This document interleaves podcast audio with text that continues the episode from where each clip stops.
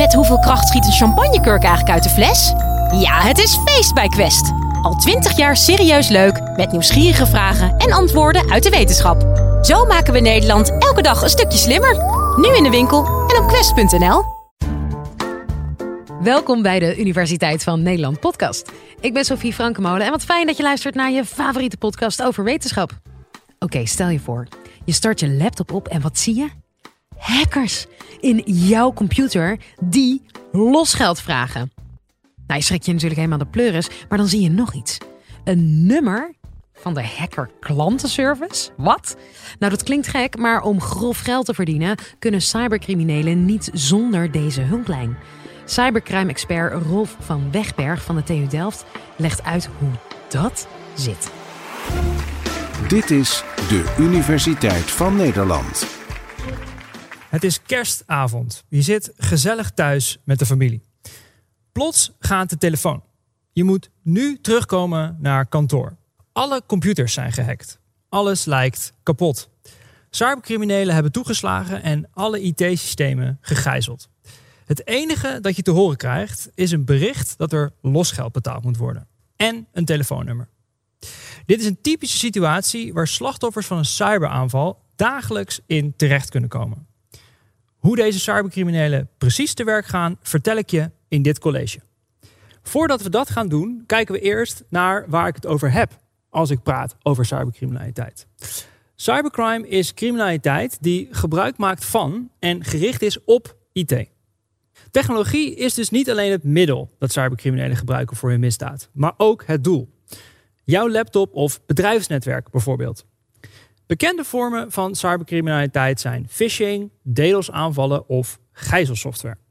Zowel jij, of dus eigenlijk jouw laptop, of het volledige digitale systeem van een grote organisatie, zoals een universiteit of ziekenhuis, kan het doelwit zijn.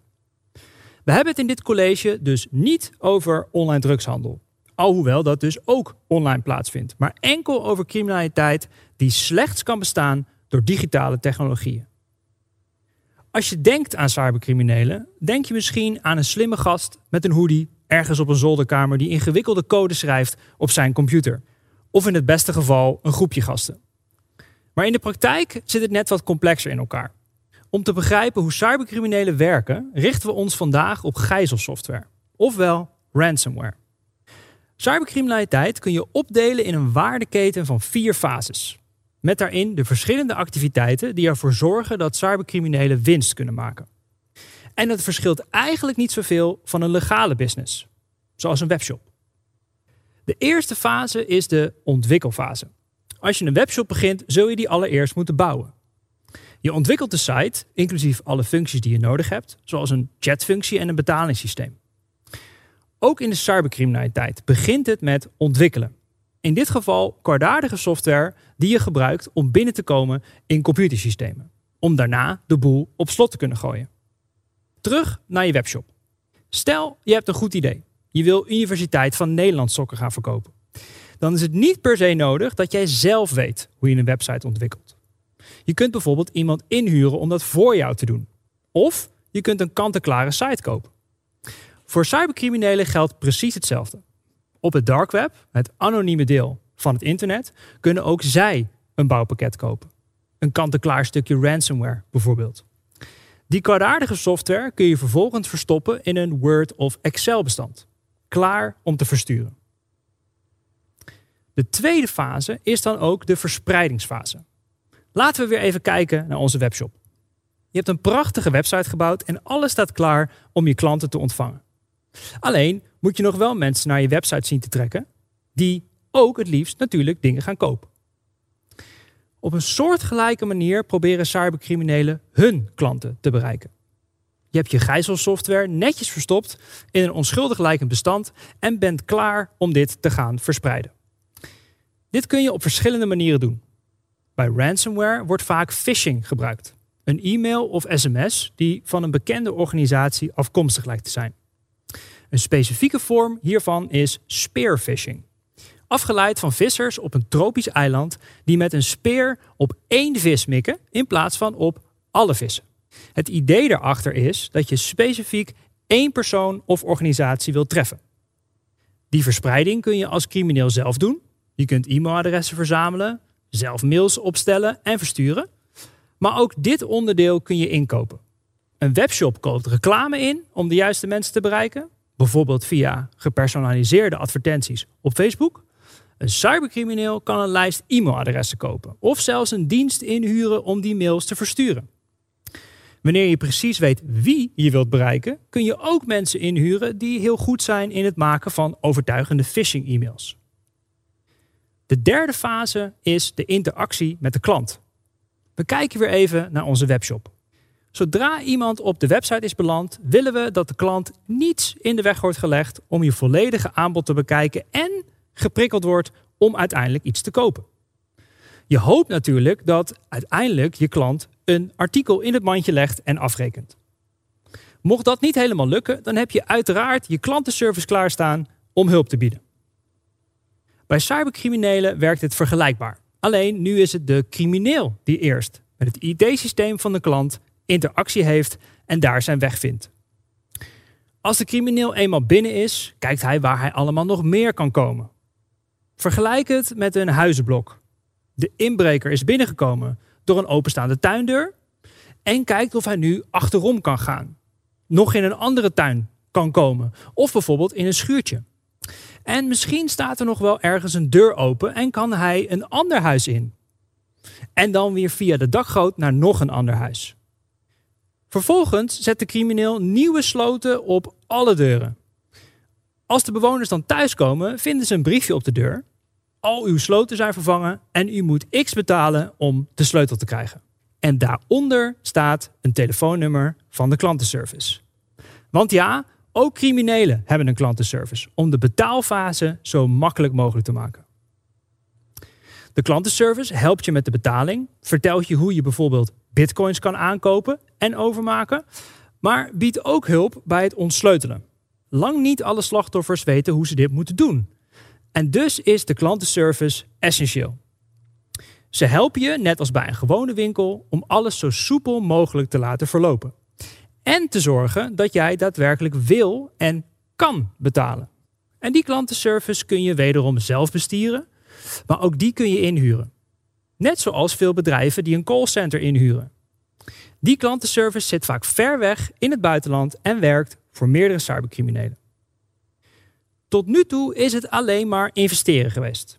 Je hebt een webshop gebouwd, potentiële klanten getrokken, gezorgd dat de klant van de ene naar de andere pagina met aanbod surft en vervolgens kan betalen.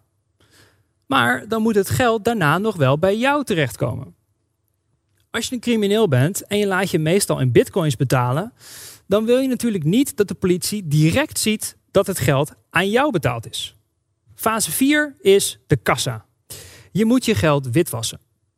Dat bestaat eigenlijk al heel lang en het grootste deel van het aanbod aan bouwpakketten die op ondergrondse markt worden aangeboden om jou te helpen met jouw criminele business, faciliteren het wegsluizen van misdaadgeld.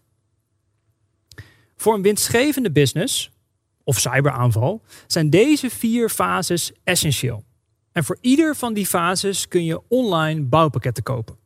Zo wordt het dark web voor cybercriminelen een soort IKEA, waar ze pakketjes kunnen kopen die ze alleen nog maar in elkaar hoeven te zetten en met elkaar hoeven te combineren. Klinkt eenvoudig allemaal. Maar hoe ziet het er dan in de praktijk uit? Misschien kun je het nog herinneren uit het nieuws. Vlak voor de kerst in 2019 werd de Universiteit Maastricht getroffen door een cyberaanval. Criminelen hadden een stukje software ontwikkeld en naar honderden mailadressen van medewerkers gestuurd. Slechts één iemand klikte op de bijlage, maar dat was genoeg om voor hen een achterdeurtje te openen. Ruim twee maanden bewogen de criminelen zich door het netwerk en keken hoe ver ze konden komen, zonder ontdekt te worden.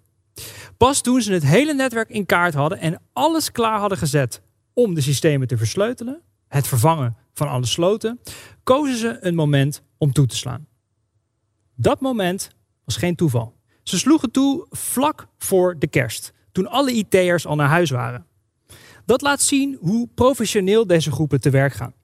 Die wilden het liefst toeslaan wanneer zo min mogelijk IT'ers de problemen op zouden kunnen lossen. Ook de Universiteit Maastricht kreeg een briefje met de vraag om losgeld te betalen. met de contactgegevens van de klantenservice. Een universiteit heeft tenslotte niet een hele sloot aan bitcoins liggen om te betalen. Daar kunnen ze wel wat hulp bij gebruiken. Dat is één van de dingen die zo'n klantenservice kan doen. Helpen met het kopen van bitcoins. Maar dat is zeker niet het enige.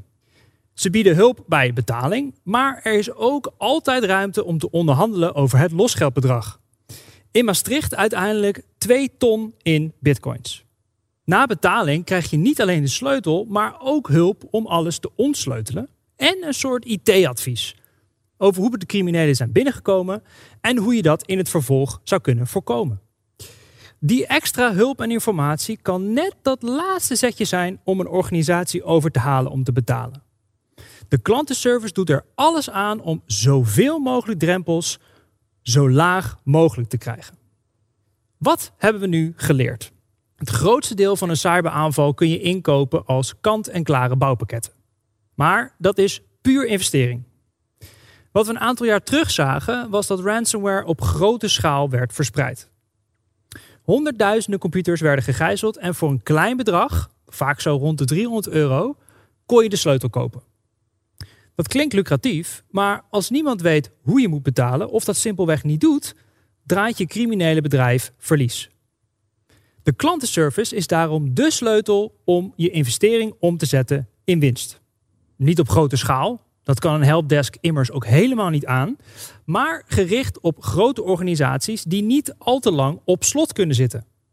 Bijvoorbeeld een universiteit, maar ook een ziekenhuis waar de zorg toch echt door moet gaan. Met de klantenservice kun je door persoonlijk contact in één keer hoge losgeldsommen binnenhalen. Cybercriminelen kunnen dit niet zonder klantenservice en ze zorgen ervoor dat het zo makkelijk mogelijk wordt om te betalen. Maar eigenlijk is betalen natuurlijk het laatste wat je wilt. Het is extra motivatie voor de criminelen om door te gaan met hun werk. Hoe zorg je ervoor dat je niet hoeft te betalen? Je kunt ervoor zorgen dat je niet afhankelijk bent van versleutelde informatie. De beste manier om dat te doen is door preventief en regelmatig backups te maken van je computersystemen. En die vervolgens ook van het internet afhalen. Anders kunnen cybercriminelen tenslotte ook nog bij jouw backup. Dit geldt voor jou persoonlijk en voor heel veel organisaties. Een andere tip is om software-updates altijd zo snel mogelijk te installeren. Zo dicht je op tijd potentiële achterdeurtjes en is het voor criminelen lastiger om binnen te komen. Als laatste, en dit geldt vooral voor organisaties, kun je een netwerk segmenteren. Wat bedoel ik daarmee? Als we even teruggaan naar het huizenblok met de tuinen, moet je zorgen dat je niet via de schuur van de buurman naar jouw bovenraampje kunt. Op deze manier zorg je dat hoe goed criminelen hun klantenservice op orde hebben, ze niet binnen kunnen komen. Of je in ieder geval niet hoeft te betalen. We begonnen dit college met de vraag: waarom kunnen cybercriminelen niet zonder klantenservice? We hebben gezien dat cybercriminelen vier fases doorlopen om een ransomware aanval uit te voeren. De ontwikkelfase, de verspreiding van de kwaadaardige software, de interactie met het systeem en de klant en uiteindelijk het wegsluizen van de buitgemaakte bitcoins. Dat doen ze niet noodzakelijkerwijs allemaal zelf. Op het dark web kunnen ze allerlei bouwpakketten inkopen voor iedere stap waarvoor ze zelf niet de kennis in huis hebben. Maar de belangrijkste en daarmee zwakste schakel is de klantenservice. Deze schakel zet investeringen om in winst. En zorgt er dus voor dat criminelen geld verdienen in plaats van verliezen. Een beetje gezond wantrouwen in deze klantenservice kan dus geen kwaad. Dat was Rolf van Wegberg. En vond je dit nou een leuk college?